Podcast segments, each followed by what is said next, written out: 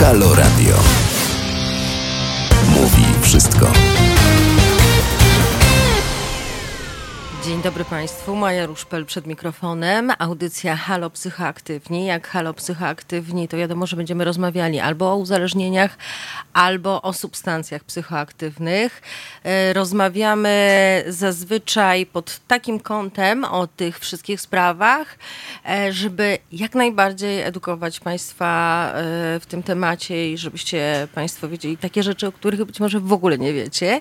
I dzisiaj właśnie będzie taki temat, a mianowicie będziemy rozmawiali o testach, które mogą używać użytkownicy nielegalnych substancji psychoaktywnych, zwanych narkotykami.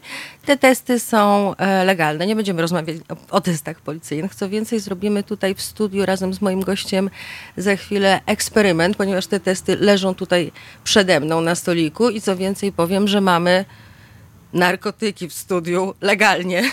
Zaraz się wszystko wyjaśni. A moim gościem jest Jurek Afanasiew, który jest tutaj właśnie motorem e, promowania, testowania e, substancji psychoaktywnych, bo jak wiemy, one są nielegalne, pochodzą z nielegalnych źródeł i bardzo często nie wiemy, co tam jest. Dzień dobry, Jurku. Dzień dobry Państwu, cześć Maja. E, pomożesz mi tutaj dzisiaj przeprowadzić eksperyment, tak?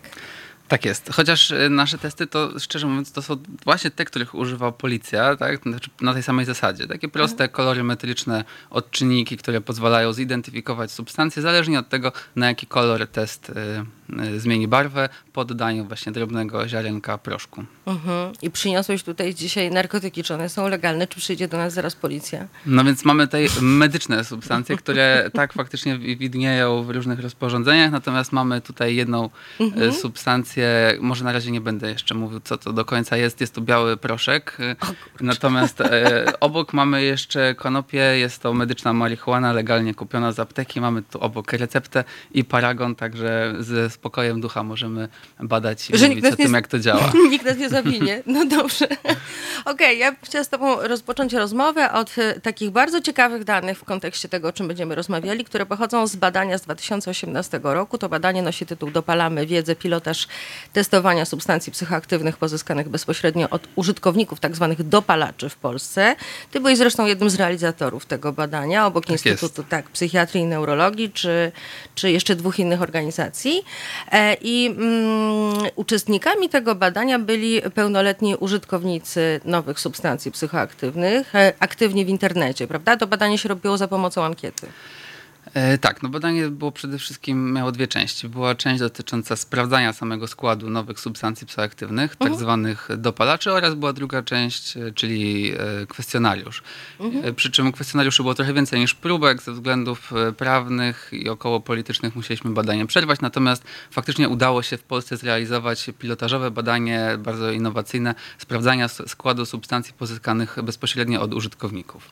Dla mnie druga część tego badania jest bardzo ciekawa i do niej w tej chwili zmierzam, a mianowicie mm, y, użytko- brali w niej udział w tych badaniach głównie użytkownicy czegoś, co się potocznie nazywa narkotykami e, i wychodzi na to, że to byli młodzi ludzie, podkreślmy, średnia wieku to były 22 lata mhm. i wychodzi na to z tego badania, że w tej grupie wiekowej e, jakiejkolwiek tradycyjnej substancji psychoaktywnej, czyli rozumiem tradycyjną jako tam marihuana, amfetamina na przykład, tak? Nie, nie mówimy o dopalaczach, używało prawie 100% z nich, czyli prawie każdy w ciągu ostatnich 12 miesięcy. Mhm. Natomiast doświadczenia z używaniem mm, nowych substancji psychoaktywnych, czyli właśnie dopalaczy, miało e, kiedykolwiek w życiu 90% badanych, czyli to jest bardzo dużo. To jest właściwie każdy, gdyby wymyślić sobie, bo oczywiście to jest tylko mój domysł, że, że to jest po prostu przeciętna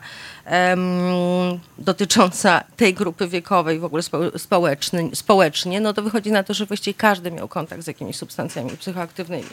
I teraz, co jest najbardziej zatrważające, to to, że y, okazuje się, że to nie powinno zaskakiwać, chociaż z drugiej strony myślę sobie, że może przerażać. To znaczy okazywało się, że ci ludzie zamawiając te substancje, no najczęściej zamawiali przez internet, kupowali od dealera, no wiadomo, że to nie jest, nie podlegają narkotyki żadnej kontroli, więc właściwie okazuje się, że bardzo często nie wiedzieli w ogóle, co kupują.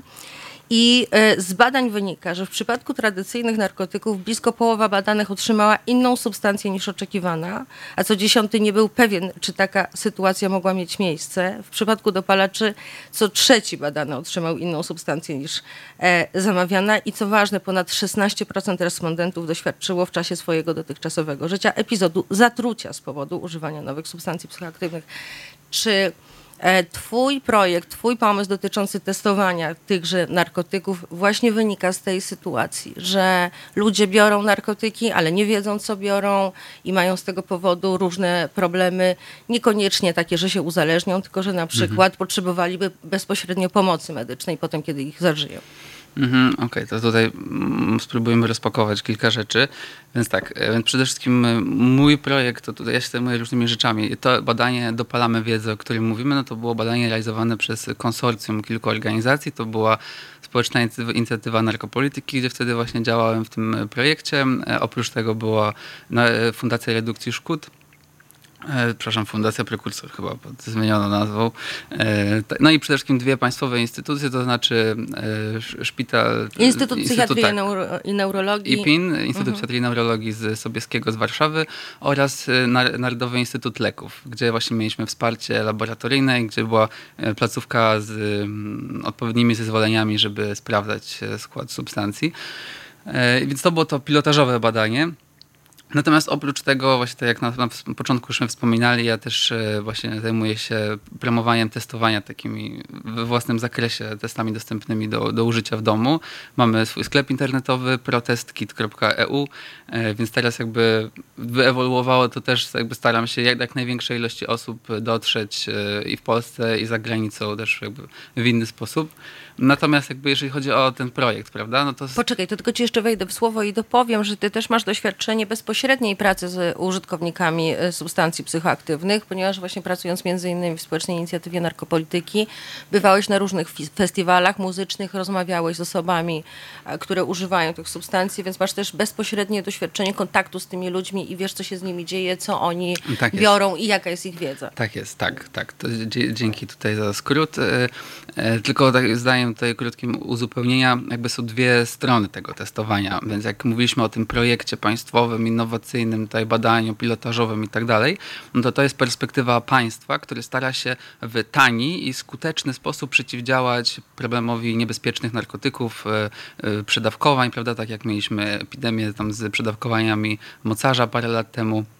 Więc jakby tutaj chodziło o to, żeby na skalę kraju tak, móc dostać rzetelne informacje, jak przeciwdziałać problemowi. Natomiast tak jak mówisz, tak, mam też jakby doświadczenia w pracy na imprezach tutaj w Polsce i też za granicą byłem wolontariuszem na, na przynajmniej jednym dużym festiwalu muzycznym.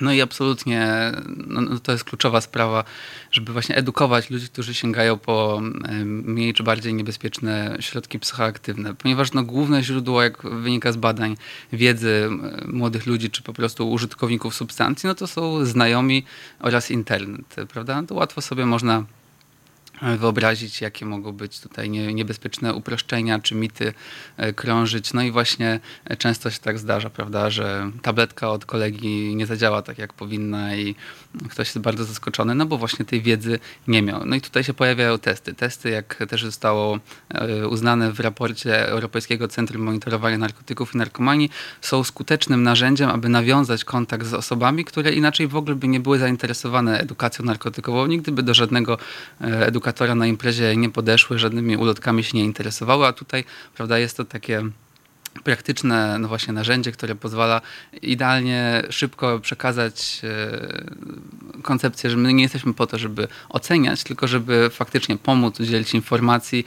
i wyposażyć e, osobę, uczestnika imprezy w narzędzia, które są mu potrzebne, aby poprawić swoje bezpieczeństwo. Mhm. Powiedziałeś taką ciekawą rzecz, że, y, że jedna y, i ta sama tabletka, jak rozumiem, kupiona od dealera, na, na jedną osobę zadziała tak, a na drugą, a na drugą inaczej. I powiem, że wcale mnie to nie zaskakuje, no bo y, też jako terapeutka uzależnień rozmawiam z różnymi ludźmi, którzy używają substancji psychoaktywnych i oni też mówią, że y, wzięli niby to samo, nie wiem, raz, nie wiem, we wtorek, a innym razem za dwa tygodnie e, w środę i oni się bardzo różnie czuli. Od czego to zależy? Od czego to nie zależy? E... Domyślam się, że to po prostu są różne substancje tak naprawdę, bo oni nie wiedzieli, co oni kupowali. Tutaj jest... Mimo tego, że one się nazywały tak samo. Cała gama różnych -huh. kwestii, tak? Więc tak, przede wszystkim ta sama substancja w takiej samej dawce może zadziałać na tą samą osobę w różny sposób, zależnie od tego, czy jesteśmy zmęczeni, czy jesteśmy wypoczęci, czy mamy dobry dzień, czy mamy zły dzień. Więc to tak po pierwsze, tak? Po drugie, no powiedzmy mamy proszek czy tabletkę. No oczywiście jakby nawet jeżeli wygląda tak samo i jest z tego samego źródła, może się absolutnie różnić składem. Na naszej stronie e, polecam zobaczyć jest podstrona alerty, czyli protestkit.eu P. Można tam zobaczyć w menu. W każdym razie jest cała lista, galeria tabletek z ostatniego miesiąca, mniej więcej miesiąca półtorej i można porównać jak z samych tych, które zostały przez europejskie laboratoria zgłoszone, opublikowane jako ostrzeżenia w internecie, jak wiele z nich jest do siebie podobnych, jak e, na przykład dwie takie same tabletki o, nie wiem, e, logu Heineken mogą mieć, prawda, o połowę e, więcej czy mniej substancji, także nawet jeżeli mamy, kupiliśmy dwie tabletki i wydają się one takie same, z tego samego źródła, kupione przy jednej okazji, to może się okazać, że mają naprawdę dużą różnicę stężenia aktywnego składnika. Mhm, no więc wracamy do tego właśnie, że to jest produkt, który jest nielegalny, w związku z tym nie podlega żadnej kontroli, więc krótko mówiąc, on może y, mieć mnóstwo różnych domieszek, może nawet y, spowodować, że ktoś się nim zatruje, albo będzie miał no, bardzo jakieś nieprzyjemne doznania fizyczne, e, jak i po prostu nie wiemy do końca, jakiego, jakiego e, stężenia e, dany narkotyk, krótko mówiąc, jest i to też ma wpływ na to, jak on będzie działał. Nie? Czyli to jest trochę takie no, kupowanie w ciemno. No tak, to jest tak jakbyśmy poszli do sklepu monopolowego i powiedzieli, dzień dobry, poproszę alkohol. No i to, co nam dadzą, to tak będzie. To jest dokładnie sytuacja, z którą mają do czynienia użytkownicy substancji, nielegalnych substancji psychoaktywnych. Mhm. A powiedzmy na, na, przykładzie, nie wiem, amfetaminy. Co tam, co tam może być zamiast mm. amfetaminy, żeby to jakoś zobrazować? No bo tak mm. trochę teoretyzujemy, a jakbyśmy przeszli na konkrety. Mm-hmm, tak, no to tutaj mogę e, dla przykładu podać e, wyniki analizy próbki, którą żeśmy w ramach jakiegoś projektu parę lat temu przekazali do analizy, gdzie no właśnie, oczy, oczywiście jest to wynik anegdotyczny, zaraz powiem, jakie są te statystyki. Użytkownik nam przekazał próbkę, powiedział, że no to jest dobra amfetamina, sprawdźcie wynik kofeina, kreatyna, śladowe ilości amfetaminy. I też z badań policji, przynajmniej z tego, co publikują w internecie, wynika, że od przynajmniej 2005 roku amfetamina ma w Polsce poniżej 50% czystości i obecnie jest to raczej około 10-15%. Więc... Yy więc, więc takie są realia, tak? I to jest, szczerze mówiąc, całkiem jakby jeszcze ta lepsza sytuacja, no bo tutaj mówimy o domieszkach, które niekoniecznie są psychoaktywne, tylko zwiększające e, masę. Natomiast jeżeli tam są inne substancje psychoaktywne zmieszane, no to tutaj się faktycznie zaczynają e, poważne ryzyka robić, bo o ile używanie amfetaminy samo w sobie no nie jest najbezpieczniejszą rzeczą, prawda? No to mieszanie jej z nowymi, nowej generacji, w ogóle nieznanymi, nawet niezidentyfikowanymi często substancjami prosto od chemika z hurtowni w Chinach, no to to, to prawda jest e, znacznie podwyższające ryzyko. Narkotyki na, na rynku polskim pochodzą z Chin aktualnie? Ja nie chcę zgadywać, ale mam na myśli, że to, co jest teraz w dużych ilości wypuszczane na rynek, te kolejne generacje tak, tak zwanych dopalaczy, czyli nowych substancji psychoaktywnych, no to właśnie są zamienniki zamienników. One często są produkowane w, w Chinach, w Indiach, ponieważ tam są troszeczkę jakby prawo wolniej nadąża za zmianami. Też w dużej mierze dlatego, że problem się materializuje na innym kontynencie, w Europie czy w Stanach Zjednoczonych.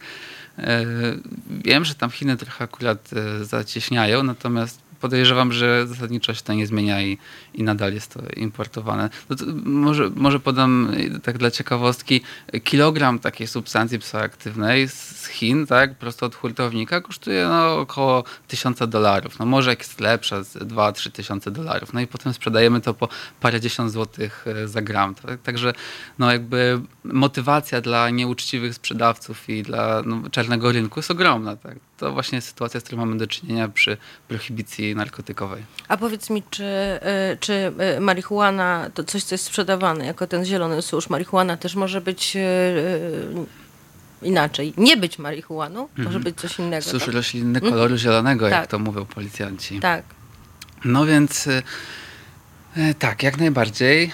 E, chociaż akurat jeśli chodzi o konopie, to, to, to, częstym problemem jest to, że one po prostu są znacznie mocniejsze niż, e, niż się ludziom, którzy nie używają ich e, za często wydaje, tak? Więc to, to jest częste doświadczenie, że ktoś spróbuje na imprezie i ma zawroty głowy, czy chce mu się spać. No to też wynika z zmieszania z alkoholem, natomiast po prostu bardzo duże jest stężenie THC, jeżeli nie ma się tolerancji.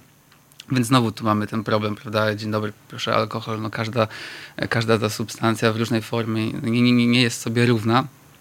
Jeżeli chodzi o domieszki, no to oczywiście, tak jak w każdej popularnej substancji mamy tutaj e, całą, całą gamę różnych problemów. No mogą być domieszki zwiększające masę, tak? Więc na przykład się wodą z cukrem czy jakimś, e, z, już tu nie będę zgadywał, no ale wodą z czymś się psika, tak? Żeby zwiększyć masę takiego suszu co, co może powodować e, dodatkowe problemy zdrowotne przy paleniu, ponieważ no, ten cukier, cukier się może karmelizować w płucach, no i nie, nie jest to pożądane. No i też e, domieszki mogą być psychoaktywne. I to teraz jest e, znowu problem, który wrócił po latach, ponieważ pojawił się susz CBD, tak? To może tutaj już nie będę dywagował, jakie są jego zastosowania i wartości, natomiast można go łatwo kupić. To jest, jeżeli ktoś ze słuchaczy nie wie do końca, chodzi o tak zwaną jak to powiedzieć, no legalne konopie. Wygląda jak marihuana, pachnie jak marihuana, ale jest to legalny produkt, który generalnie nie ma działania psychoaktywnego, ale to jest temat na inną rozmowę.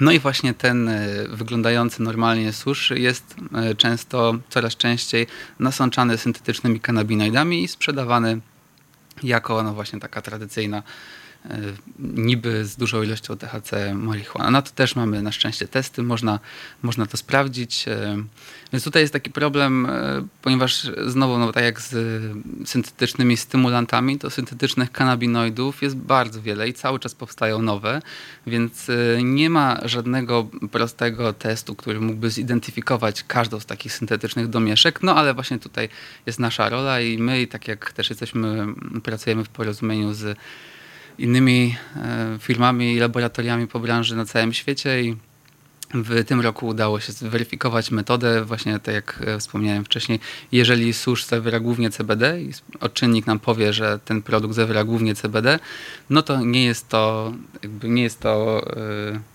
ta oczekiwana psychoaktywna tej e, marihuana. Tak? Bo nie ma THC. Tak? Dokładnie. W związku mhm. z czym można metodą dedukcji wywnioskować, że jeżeli wykazuje mocne działanie psychoaktywne, a nie zawiera głównie THC, no to są tam jakieś syntetyczne domieszki.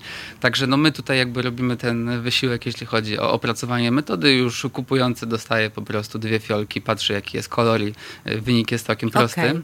Tak, właśnie przejdźmy do naszego eksperymentu. Tak jest. Rozmawiamy o marihuanie, tak? I teraz tak, Jurek wyjmuje z takiego pudełka, które ma mniej więcej 7 na 10 centymetrów trzy fiolki? Będziesz wszystkich eee, trzech używał? Może zrobimy po kolei. Aha. Więc tak, mamy, mamy tubki. W każdej tubce są odczynniki. To akurat jest dwuczęściowy odczynnik. Mam tutaj właśnie przed sobą dwie maleńkie takie szklane e, buteleczki z jakimś płynem w środku, tak? I wyciągasz teraz jakiś tak jest. Najpierw biały proszek? Tak, tutaj mam proszek, to akurat jest e, izolat CBD, czyli czyli czyste CBD. On zadziała troszeczkę wolniej niż to by było z suszem, ale da nam ładny kolor, więc mm, wsypuję tutaj drobną ilość. Zawsze do testowania się używa tyle co główka od szpilki, także w żadnym wypadku Chodzi nie jest o to, żeby ten proszek y, y, z jednego pudełeczka zmieszać z tymi płynami w tych fiolkach i wtedy nam wychodzi, y, czy to, to jest marihuana, czy ma CBD, czy nie, tak? Teraz się dowiemy, czy ten proszek Dobra. to jest CBD, czy to jest mhm. może czyste THC. To bym się -huh. trochę zdziwił, ale no, nigdy nie mów nigdy. Na pewno by się producent zdziwił. Aha. Jurek teraz właśnie wlał tak. do fiolki takiej chemicznej, podłużnej, szklanej, wąskiej z dwóch innych maleńkich e, buteleczek płyn. I e, powoli tutaj możemy miesza teraz. obserwować. To się będzie tutaj powoli e, działo. Możesz wziąć Mogę? Dziękuję. Do spokojnie. Na razie nic się nie dzieje. Tak, tak. Ja w tym czasie tutaj wezmę naszą drugą próbkę, czyli susz tej medycznej marihuany, odmiana Aurora, niemiecka produkcja Dobra firma. Tak, faktycznie widzę ten susz. Jest co prawda go maleńko. tak jest. Także naprawdę. Nie myślcie Państwo, Nie trzeba. że, że do czegoś go możemy użyć. Nie, nie, to są śladowe ilości, ale no do badania w sam raz. Także znowu wsypuję tutaj. Do tej fiolki znowu wsypujesz, małe ziarenko. Mhm.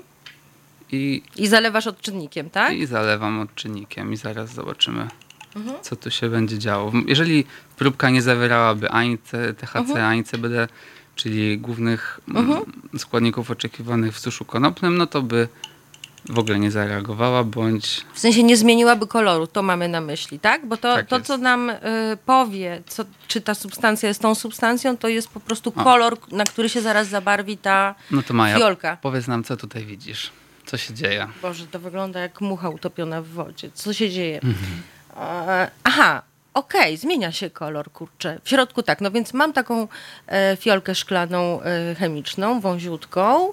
Jurek nalał tam tych odczynników, wrzucił ten kawałek ma- medycznej marihuany. Na początku woda była biała i robi się coraz bardziej... E, Lekko fioletowa, a teraz właściwie się robi taka szmaragdowa, taka, tak, taki błękit szmaragdowy w tej I, chwili. tak, jest. i przechodzi w granat. Aha. I Natomiast, co nam to mówi? e, To nam Bo mówi, mamy, właśnie, bo wróćmy do tych naszych pudełeczek, bo Tak. tam są takie instrukcje z Tak. takimi różnymi okienkami, właśnie rozumiem, dającymi nam e, informacje, jak interpretować wynik tego, e, tego testu, Tak kiedy jest. zmienia się kolor tej substancji, tak? Tak, jest, tak. Mhm. Tak, no to są te odczynniki, to są... Czyli to mamy THC. Tak jest. Ja widzę tutaj z instrukcji, tak? Tak jest, tak. I tak jak możesz zobaczyć, jakby ten kolor się troszeczkę różni od tego, co, co widzimy przed sobą, ponieważ zawsze Mhm. wynik będzie lekko zależny od tego, jakie, ile, jaka, je- jaka jest ilość próbki, której żeśmy użyli, e, więc to prawda, należy tak interpretować. Okej, czyli rozumiem, że ktoś, ktoś, kto decyduje się używać, a tu jest na różowo, Tak jest. w drugiej fiolce. A w drugiej, gdzie żeśmy dodali CBD, No pojawia tak. się powoli różowy i będzie przechodził bardziej intensywny Mhm. e, fioletowy. No tak, i to jest dokładnie właśnie, bo y, w tym pudełku, s- tak jak mówiłam, są takie okienka z kolorami i tam zależnie od tego, jaki jest kolor tej fiolki, to jest instrukcja, jest informacja, co to nam mówi, tak? Kolor, y, kolor tej, y, tego odczynnika, Tak co nam jest. mówi o zawartości tejże, tejże substancji. Okej, Ja teraz... m- może wspomnę, e, że to nie są testy, które my żeśmy tutaj parę młodych osób siedzieli w garażu i wymyślili. My używamy narzędzi, które są stosowane na całym świecie przez policję, rekomendowane przez ONZ, konkret, konkretnie przez UNODC, czyli Agendę do Spraw Narkotyków e, z, z ramienia ONZ. E, I akurat ten test, który już my teraz zastosowali do sprawdzania konopi, on jest, jest rozpopularyzowany od od zeszłego roku, no właśnie dlatego, że policja też ma problem, ponieważ no, muszą odróżnić, czy ktoś sprzedaje nielegalne produkty, czy, czy legalny susz CBD. I tutaj właśnie się to pojawia. Więc to są narzędzia jak najbardziej sprawdzone, rzetelne i oczywiście proste i nie, nie mierzą się z profesjonalną, pełną analizą laboratoryjną, no ale kosztują grosze i z odpowiednią interpretacją zgodnie z instrukcją można naprawdę poprawić swoje bezpieczeństwo i No właśnie.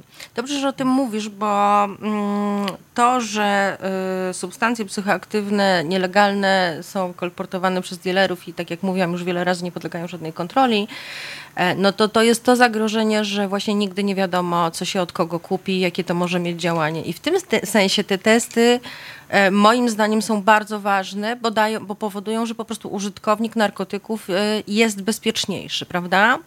E, Natomiast, Dokładnie. natomiast trochę zahaczamy teraz o taką rzecz, która moim zdaniem jest w ogóle problemem w debacie w Polsce na temat e, polityki narkotykowej, prawa narko- narkotykowego, a przede wszystkim edukacji w obszarze, w obszarze nielegalnych substancji psychoaktywnych, bo jak my mówimy, ja mówię, o, mamy w studiu marihuanę, zaraz ją zbadamy, ja opisuję to całe badanie i właściwie to zaraz może być taki zarzut, że my tutaj zachęcamy do używania, prawda? Zobaczcie, możecie sobie kupić od dealera, zbadać sobie tutaj w teście i w ogóle jesteście, jesteście bezpieczni, nie? I to jest e, strasznie trudny e, argument w pewnym sensie do obalenia, mm, a ponieważ ty e, zajmujesz się tym tematem dobrych parę lat i już stawałeś przed takim zarzutem, prawda? Że wasze działania, organizacji, w których pracowałeś, no, są na granicy właściwie, można powiedzieć, popularyzowania substancji psychoaktywnych albo, albo zachęcania, nie? klasyk jest. Tak. I teraz chciałabym ten sam zarzut tobie postawić, tak?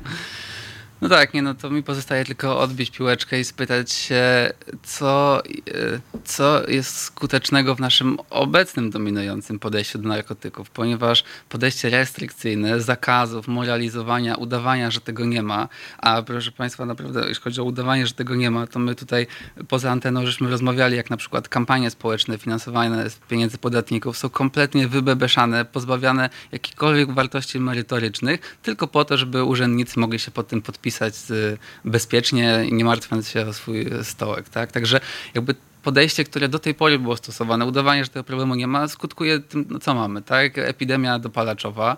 W Polsce problem nowych substancji psychoaktywnych był, czy pewnie jest najgorszy w całej Europie. Tak? To nie jest przypadek, że mocarz pojawił się w Polsce, gdzie można pójść do, na 3 lata do więzienia za posiadanie małej ilości Dlaczego? marihuany. Dlaczego to nie jest przypadek, że w Polsce? No, i Powiem tak, jak byłem w Holandii zwiedzać tamtejsze e, państwowe zresztą punkty testowania substancji, pytam się, czy można u nich sprawdzić marihuanę. Nie, nie można, bo u nich nie ma syntetycznych domieszek do marihuany. No mhm. dlaczego? No bo jest kontrolowany rynek, tak? Bo władze podjęły parędziesiąt lat temu decyzję, że chcą kontrolować problem narkotyków, chcą y, móc regulować, jakie jest stężenie tych substancji, gdzie one są dostępne, jak blisko szkoły, jak daleko szkoły i w ten sposób skutecznie ograniczają problem. A w Polsce, no niestety, jest y, bardzo wczesny wiek inicjacji z substancjami psychoaktywnymi E, jest e, no naprawdę te statystyki są zatrważające. Najlepszym porównaniem może też jest e, zestawienie Polski z Portugalią. Tak? Portugalia w 2000 roku, kiedy my żeśmy zkryminalizowali posiadanie nawet najmniejszej ilości substancji psychoaktywnych, to Portugalia je zdekryminalizowała. Tam problem narkotyków nie jest kryminalny, tylko zdrowotny.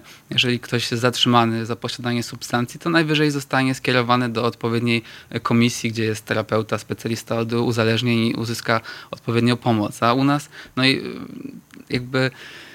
No, wiesz co, no tak, u nas ja właśnie też a propos, a propos tej inicjacji, e, o których powiedziałeś, to chcę dodać, tutaj się powołując na, e, e, na badania MCDDA, nie, przepraszam, nie MCDDA, tylko ESPAD, ale MCDDA też, też e, można by było cytować w tym kontekście. Ale to, co jest dla mnie ważne, to osoby młode, to znaczy osoby 15-16 lat i ich doświadczenia właśnie z marihuaną, o której między innymi rozmawiamy. Okazuje się z tych badań ESPAD, że kiedykolwiek w życiu osoby w tym wieku, co piąta osoba w tym wieku miała kontakt z marihuaną, mhm. tak? Więc to, co ty mówisz, no faktycznie to, to, to nie działa, no, no bo jakby mówienie publiczne sobie, a praktyka sobie. No i, a wracając do tego raportu MCDDA, no to też e, marihuana jest jednym z najczęściej używanych, e, naj, najczęściej używanych substancji psychoaktywnych e, w ogóle w, w Europie, więc e, no nie, nie, nie jest tak, że, że to jest jakaś sporadyczna, sporadyczna sytuacja, że ktoś raz, nie wiem, na 10 lat coś użył. Mm, mm. Ale wracając właśnie do tej, do tej edukacji e, w obszarze używania narkotyków, właściwie jak edukować, żeby nie było tego zarzutu, że ktoś zachęca, a jednocześnie, żeby edukować rzetelnie i ciekawie, no co tu dużo mówić, żeby to no nie były jakieś takie pogadanki po prostu polegające na straszeniu na przykład. E, tak jest. No to ustaliliśmy, że obecne podejście nieedukowania no nie przynosi oczekiwanych rezultatów. Problem tylko się pogłębia. No i tutaj wkraczamy właśnie z mówieniem bardziej szczerym o działaniu substancji. No podstawą jest to, że nie oceniamy, nie moralizujemy. Tutaj trochę uogólniam, bo obecnie zajmuję się głównie produkcją, sprzedażą tych testów do różnych organizacji, które e, osób indywidualnych i organizacji, które zajmują się pomaganiem. Później wcześniej też właśnie osobiście się tym zajmowałem no natomiast właśnie co można zrobić, tak? No przede wszystkim jest, e, myślę, szczytem naiwności zakładać, że jeżeli ktoś podejdzie do stoiska edukatorów e, czy na terapeuty na festiwalu, to że tam ktoś go będzie zachęcał do używania substancji, no bo właśnie ten projekt, tego rodzaju działanie na imprezie jest e, zorientowane na to, aby edukować o ryzykach, aby ograniczyć problem, aby prawda, było bezpieczniej niż na poprzedniej edycji. E, jak to robić? No przede wszystkim edukując o działaniu substancji nie ma potrzeby i nie odwołujemy się do własnego doświadczenia, tak? Więc tutaj nikt nie rozmawia na zasadzie a mi po tamtym było tak, a, a tobie siak, tak? I sobie poklepmy się po plecach. Nie, nie o to chodzi, tak? Mamy przede wszystkim są pigułki wiedzy na każdy temat każdej substancji, tak? I trzeba w sensie właściwie... takie ulotki, rozumiem. Tak jest. Tak? Trzeba mhm. właściwie zaczynać od podstaw. Tak? Ludzie myślą, że narkotyków jest kilkanaście, podczas gdy nasze testy w ulotkach e, są w stanie zidentyfikować ponad 600 różnych substancji psychoaktywnych, także naprawdę jeżeli komuś się wydaje, że kojarzy co tam jest na mieście, to może się mocno zdziwić. E, no właśnie, no i my prawda, tłumaczymy, jak te substancje działają. Zaczynamy od, sam od podstaw. Często to naprawdę trzeba powiedzieć, powiedzmy taka marihuana, no to jest dobry przykład, bo ona się troszeczkę wymyka z tradycyjnych ram opisania. Jedne osoby powiedzą, że ona jest psychodeliczną substancją, e, inne może się nie zgodzą, bo twierdzili, że to tylko uspokaja. Psychodeliki, e, to może wyjaśnię szybko słuchaczom, są substancje, które potęgują nastrój, powodują też, mogą powodować powodować różne omamy, zbudzenia, ale przede wszystkim bardzo potęgują to, jak się czujemy. No i tutaj jak najbardziej marihuanę można klasyfikować w ten sposób. No ale co, co na przykład gdyby ktoś podszedł do stoiska i pytał się o konopie, no to czy najchętniej bym właśnie o tym zaczął mówić, że oprócz tego, że może być y, postrzegana jako psychodelik, no to ma też działanie na przykład depresanta, tak? To znaczy, że może e, wpływa na układ GABA w mózgu, może spowolnić działanie organizmu, to powoduje, że możemy łatwiej zasnąć, zwłaszcza mieszając z alkoholem, albo z drugiej strony może mieć też cechy stymulanta, bo powoduje gonitwę myśli może powodować atak paniki czy lęku, tak? No i właśnie jeżeli w ten sposób metodyczny porozmawiamy o każdej substancji, nie na zasadzie e, a Seba ostatnio na osiedlu to miał taką jazdę e, asiaką, tak? Tylko porozmawiamy na temat, jakie są wspólne mianowniki między substancjami, na przykład, że alkohol jest całkiem blisko środków e, uspokajających, tak? Wszystkie one działają depresyjnie na układ nerwowy, czyli spowalniają nasz organizm. No to w ten sposób zaczynamy tak naprawdę nawiązywać często pierwszy taki sensowny dialog, jaki człowiek, e, młody człowiek na imprezie miał w ogóle w życiu na temat substancji. I to jest naprawdę stały motyw, że ktoś podchodzi, zamieniamy parę słów i mu się świecą oczy, że wow, to wy jesteście za czy przeciw? I my wtedy kompletnie już e, rozwalamy jego umysł i mówimy, no nie jesteśmy ani za, ani przeciw, tylko dajemy ci wiedzę, abyś mógł podejmować odpowiedzialne decyzje, które będą dla ciebie dobre. Mhm, tak, to jest faktycznie bardzo ważne słowo, odpowiedzialne decyzje, bo to jest, myślę, że jest y, temat jednak dla, dla, dla dojrzałych i jednak odpowiedzialnych ludzi, którzy, którzy chcą być świadomi tego, co robią. To pytanie dotyczące edukacji e, związanej właśnie z tym, czym są substancje, nielegalne substancje psychoaktywne, u mnie też się bierze stąd, że po latach um, takiego milczenia w tym temacie, y, po latach tabu, ogromnych stereotypów. Mam wrażenie, że od ostatnich 10 lat to wahadło nagle poleciało skrajnie w drugą stronę. To znaczy jest tak strasznie dużo teraz y, y, różnych głosów publicznych właśnie na temat a zalegalizujmy marihuanę i powstaje z tego jakiś taki bardzo spekulacyjny, moim zdaniem pełen, pełen chaosu, bałagan tak naprawdę, y, naprawdę informacyjny. Raczej ja bym to tak odbierała jako po prostu mm, odreagowanie tych lat, kiedy to było tabu i kiedy, kiedy to było tak strasznie karane, mówię tak strasznie, mhm. bo jeszcze 10 lat temu ustawa o przeciwdziałaniu narkomanii E, no bezwzględnie każdemu, kto posiadał y, najmniejszą nawet ilość y, chociażby marihuany, groziła kara więzienia do, do lat trzech. E, I ja szukam znaczy, zło... Poczekaj, tylko dokończę. Mm -hmm. jak, jak ja prowadzę swoje audycje, ja szukam tego złotego środka, rozumiesz? Żeby mm -hmm. mówić, okej, okay, rzetelnie edukujmy, ale też no, nie przesadzajmy jakby z tym że to jest nagle takie, bo alkohol to szkodzi, a marihuana to jest, wiesz, naturalny, naturalna roślina, nie? Jakby mhm. wszystko ma swoje wady i zalety. Mhm. No, ale marihuana jest jednoznacznie bardziej bezpieczna od alkoholu jakby na to nie spojrzeć. Wiesz, oczywiście, tylko chodzi mi o to, że zaraz się pojawiają głosy, a że ona, wiesz, nie uzależnia, a że ona nic tam y, nie robi i w ogóle jest tylko, jest tylko po niej fajnie, nie? Co też jest kłamstwem, co tu dużo mówić. Myślę, że jest całkiem, całkiem du dużo pomiędzy nie uzależnia i jest wszystko fajnie.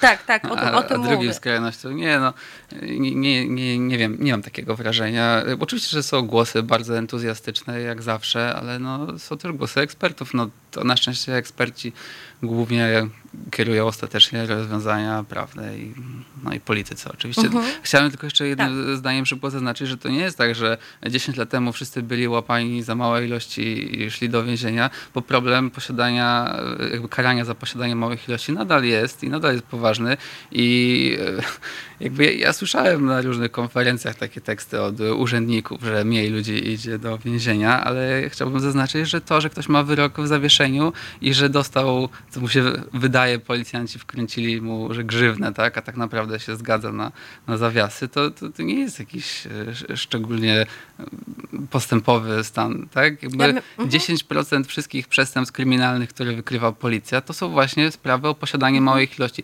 Co dziesiąta sprawa karna policjantów to jest małolat z jointem w kieszeni, tak? Także to nie jest problem przeszłości. Ja miałam na myśli to, że do 2011 roku artykuł 62 ustawy o przeciwdziałaniu narkomanii po prostu był w takim brzmieniu, że e, kara więzienia do lat trzech, natomiast później była e, nowelizacja tego artykułu, powstał 62a i i dopisano, że proku- poczekaj, prokurator, sędzia może odstąpić od postępowania. No Powiedz i... ludziom w Olsztynie, gdzie chyba 3% spraw jest umarzane. Ale wiesz co, dobra, jakby to nie jest, to nie jest akurat tematem tutaj e, tej audycji. No tematem no tej audycji jest e, edukacja, tak? I chciałam ci zadać takie pytanie, bo ty mówiłeś, no tak, no nie straszyć, nie moralizować, nie pouczać, ale jak mówić tak naprawdę o, o, o nielegalnych substancjach psychoaktywnych w taki sposób, no żeby to dawało dobry efekt, tak? To znaczy rzetelnej wiedzy, nie straszenia, mhm. ale też nie zachęcania. Ja, ja ci powiem, jak ja to widzę z mojej, osobi mojej osobistej perspektywy. Jakby ja nie potrzebuję ściemniać, nie potrzebuję moralizować, żeby kogoś trochę postraszyć. Bo jakby szczerze, mogę zupełnie uczciwie powiedzieć, tak, że nie ma nic przyjemnego w tym, żeby zjeść tabletkę MDMA, gdzie jest podwójna czy potrójna dawka. Tak naprawdę jakby nic nie ma fajnego w tym, że nie możesz chodzić, tak, i nie wiesz do końca, co się dzieje. Jakby to i, właśnie w ten sposób, tak, rozmawiając z kimś, kto powiedzmy jest użytkownikiem ekstazy, tak, mówimy o tym, czy wie, jakie są przeciętne stężenia tabletek, czy, czy wie na przykład, dlaczego nie ma siły tańczyć, jak zje jeszcze jedną. I że zje, to, że zje trzecią, nie spowoduje, że nagle będzie miał więcej siły, tylko jeszcze mniej, no bo właśnie to jest efekt przedawkowania tego MDMA, że jakby nie ma, ma po prostu watę w nogach. Tak? No, no, tak, ale mówimy o takiej sytuacji, rozumiem, kiedy, y, no wyobraźmy sobie, że to ja do ciebie przychodzę i mówię, kupiłam sobie MDMA i, i co by mi pan, panie Jerzy, jako, jako edukator, który, który buduje y, świadomość bezpiecz, bezpiecznego używania narkotyków, co by mi pan powiedział na temat tego, to jest moja inicjacja. Pierwszy raz będę brała MDMA. Mhm. No to jeżeli tak mamy tutaj oficjalnie, no to oczywiście wszystko trzeba zawsze... E, wszystko trzeba na początku, zawsze trzeba na początku wspomnieć, że najbezpieczniej oczywiście nie zażywać żadnej substancji. Tak? Także Ale ja bym chciała to jest najlepsza metoda unikania ryzyka. Natomiast mhm. jeżeli już decydujesz się na podjęcie tak. takiej decyzji, na użycie substancji psychoaktywnej, no to przede wszystkim upewnij się, czy wiesz, jaka to jest substancja. Tak? Sprawdź się używając testu takiego na przykład, jak można na protest kit EU dostać. No dobrze, już sprawdziłam. Dobrze. Co dalej? E, to jest ta substancja. Zastanów się, czy wiesz, jaka jest dawka tej substancji. Czy wiesz, jaka jest dawka, której, której, która spowoduje upragnione przez ciebie efekty, tak? Czy, czy wiesz jakby czego chcesz do końca? Jeżeli nie, no to czy na przykład próbowałaś mniejszej, robiąc test alergiczny tej substancji, tak? Czyli jakieś śladowe ilości albo chociaż małego kawałka, żeby zobaczyć, czy nie jest y, zbyt mocna. No poza tym to, to trochę ciężko taki mini wykład zrobić, bo to zwykle jest rozmowa, tak? Także każdego coś interesuje, często ma się czym pochwalić, tak? Więc nie wiem, pyta o, o, tabletkę, no ale to są takie najważniejsze rzeczy, żeby nie mieszać, upewnić się, co to jest, ile tego jest, y, czy na przykład, czy wiesz, ile to będzie działać, y, czy jakie masz plany, tak? Czy pamiętasz o tym, żeby coś zjeść, y, żeby, czy wiesz, że na przykład, jeżeli bierze się MDMA, no nie, nie należy później dorzucać takiej samej ilości, tak? To znacznie potęguje neurotoksyczność, niepożądane efekty, jeżeli się weźmie drugą taką samą tabletkę parę godzin później. Tak? Więc jeżeli na przykład chciałabyś przedłużyć to działanie, to też możemy porozmawiać, jak użyć mniejszej ilości, żeby e, ograniczyć te niepożądane efekty. No i dużo jest takich rzeczy. No, najważniejsze też w przypadku MDMA jest to, że no, ludzie się przegrzewają, tak? I toksyczność tej substancji jest szczególna, jeżeli jest powyżej 25 stopni Celsjusza. Więc jeżeli używasz jej w nagrzanym klubie, no to to jest najgorsze miejsce do używania tabletki ekstazy. Albo w lato w słońcu na festiwalu, to też jest fatalny pomysł. Powiem ci, że mnie zniechęciłeś. No tak, jak zaczęłam tego słuchać. I jeszcze ile, żeśmy ile, o kokainie nie zaczęli ile, gadać. Ile trzeba sobie pytań zadać i ile jest ewentualnych zagrożeń. I ilu rzeczy ja tak naprawdę nie wiem o sobie, o tym, jak ja na to będę reagowała, nie? To chyba bym się wycofała jednak, wiesz. To ja dziękuję. No, na, na pewno, wiesz, jakby rozmawiając w ten sposób nikogo nie namawiam, mhm. ale też no i nie potępiam, tak? I rozumiem, że ludzie mają różne potrzeby i zaspokajają je w różny sposób, prawda? Stosując całą gamę substancji, jedni takich, innych siakich. To nie znaczy, że one uzależniają. To swoją drogą mit, tak? Jakby substancje psychoaktywne nie uzależniają po pierwszym użyciu. To jest jednak du dużo w nas, prawda? Mhm. Jak, jak, sobie poradzimy z alkoholem czy z innego rodzaju substancją. Mhm. Um, mówiąc o tej edukacji, um, ja nawiążę do tego, co ty mi powiedziałeś przed rozmową. E, bardzo bym cię poprosiła, żebyś na koniec o tym opowiedział. Mówiłeś o takim bardzo ciekawym programie w holenderskiej telewizji, który właśnie... Mm, rozumiem, ma za zadanie właśnie edukowanie, żeby ludzie byli świadomi, co się z nimi może dziać. Czegoś takiego w Polsce nie ma i trochę sobie nie wyobrażam, żeby na przykład w polskiej telewizji poszedł mhm. taki program, ale jakbyś mógł więcej powiedzieć, bo to jest bardzo... W polskiej telewizji to musiałby być w rytmie disco polo, wtedy na pewno by poszedł. E, chodzi, mówimy o programie na YouTube, który nazywa się Drax Lab. On jest, e, to jest kanał ufundowany przez jedną, jedną, w każdym razie publiczną holenderską telewizję.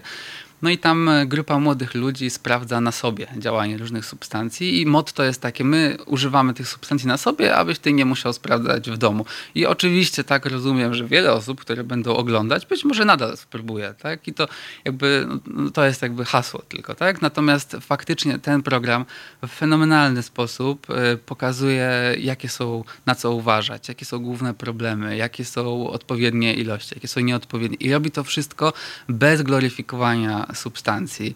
E, przy czym no i, i, to mi się bardzo podoba, tak? Tutaj się z, kompletnie zgodzę. Jakby rozumiem to, że niektóre osoby są entuzjastyczne do substancji. To nie musi być e, coś złego, ale faktycznie, jeżeli chodzi o, o taką edukację, no to to jest jednak niesamowite, jeżeli ktoś udzieli ci, nawet będąc właśnie jak w tym, w tym e, Drugs Lab, będąc pod wpływem substancji, jest w stanie w taki sposób mówić do, do widzów w dużej mierze nieletnich czy, czy, czy młodych ludzi, aby przekonać ich do tego, aby na przykład użyć mniejszej ilości niż, niż większej. Jeśli w ogóle aby, oni by chcieli brać. Tak, tak, aby, tak. Nie, aby nie mieszać, aby na przykład zwrócić uwagę, prawda, też często jest tak, że no, no wiele tych substancji działa podobnie i ich e, efekty e, no niekoniecznie są jakieś super spektakularne, co nie znaczy, że, że też koniecznie nieprzyjemne czy śmiertelne, tak? Ale dobrze jest, myślę, trochę złagodzić ten zakazany owoc i pokazać, że substancje to, to nie są karty Pokémon, które trzeba zebrać wszystkie i, i, sprawdzić, bo jednak mimo, że ciekawe, to są one dosyć podobne, tak? I, i można zupełnie, mogę powiedzieć o, o sobie, zupełnie na, na temat różnych rzeczy zaspokoiłem swoją ciekawość, oglądając właśnie ten, e, ten kanał. I polecam wszystkim, zwłaszcza rodzicom i osobom, które nie wiedzą, jak porozmawiać na ten temat z młodymi ludźmi. E, myślę, że każdy może sprawdzić sam, zobaczyć z polskimi napisami i e, przekonać się, że mhm. no właśnie tutaj nie ma ani straszenia, ani gloryfikowania, jest tylko profesjonalnie przygotowana część, paczka informacji. Czyli rozumiem, że tam też są pokazane takie sytuacje, kiedy ktoś może też się poczuć źle tak? Nie tak. tylko fajnie, ale no po prostu, jakie mogą być różne reakcje tak, na, na używanie absolutnie. określonej substancji. Tak, tak, oczywiście tam się nic szczególnie nie wymknęło pod kontroli, więc no tam na festiwalach to zdarzyło mi się widzieć bardziej nieprzyjemne sytuacje, zwłaszcza jak prawda, ktoś na przykład pomiesza duże ilości LSD z wódką, to oczywiście nasz rodak, jak żeby inaczej. To co może się stać? No biegał na golasa, trzeba go było siłą przytrzymywać, mhm. robił pod siebie, mhm. wył, mhm. krzyczał okay. melanż. I tak, na takim festiwalu psytransowym za granicą to jednak wzbudzało zainteresowanie. No. E, także to była zdecydowanie niepożądana sytuacja. Chociaż jak ktoś prawda, używa dużych ilości kilku różnych substancji, to się można zastanowić, czy on tego nie robi w jakiś dziwny, pokrętny sposób sobie specjalnie. No.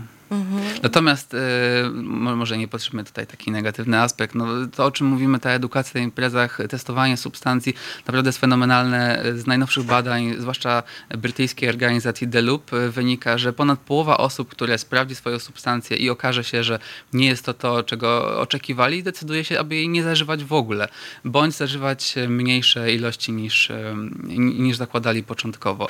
Też można na przykład pokazać na przykładzie ostatnio organizacja Know Your Stuff z Nowej Zelandii e, znaleźli e, kilka, kilka gramów to chyba było w osobnych woreczkach e, substancji, teraz się nazywa efylon.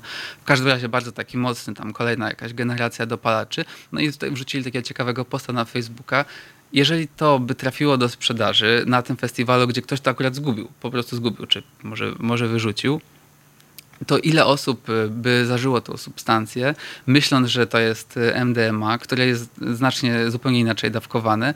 I można było prawda, od razu przeliczyć, że no jest to przynajmniej kilka czy kilkanaście hospitalizacji, których ta impreza uniknęła natychmiast, tak? Tylko dzięki temu, że ktoś, no właśnie, przyniósł, sprawdził i można tą informację było przekazać dalej, a użytkownicy to nie są...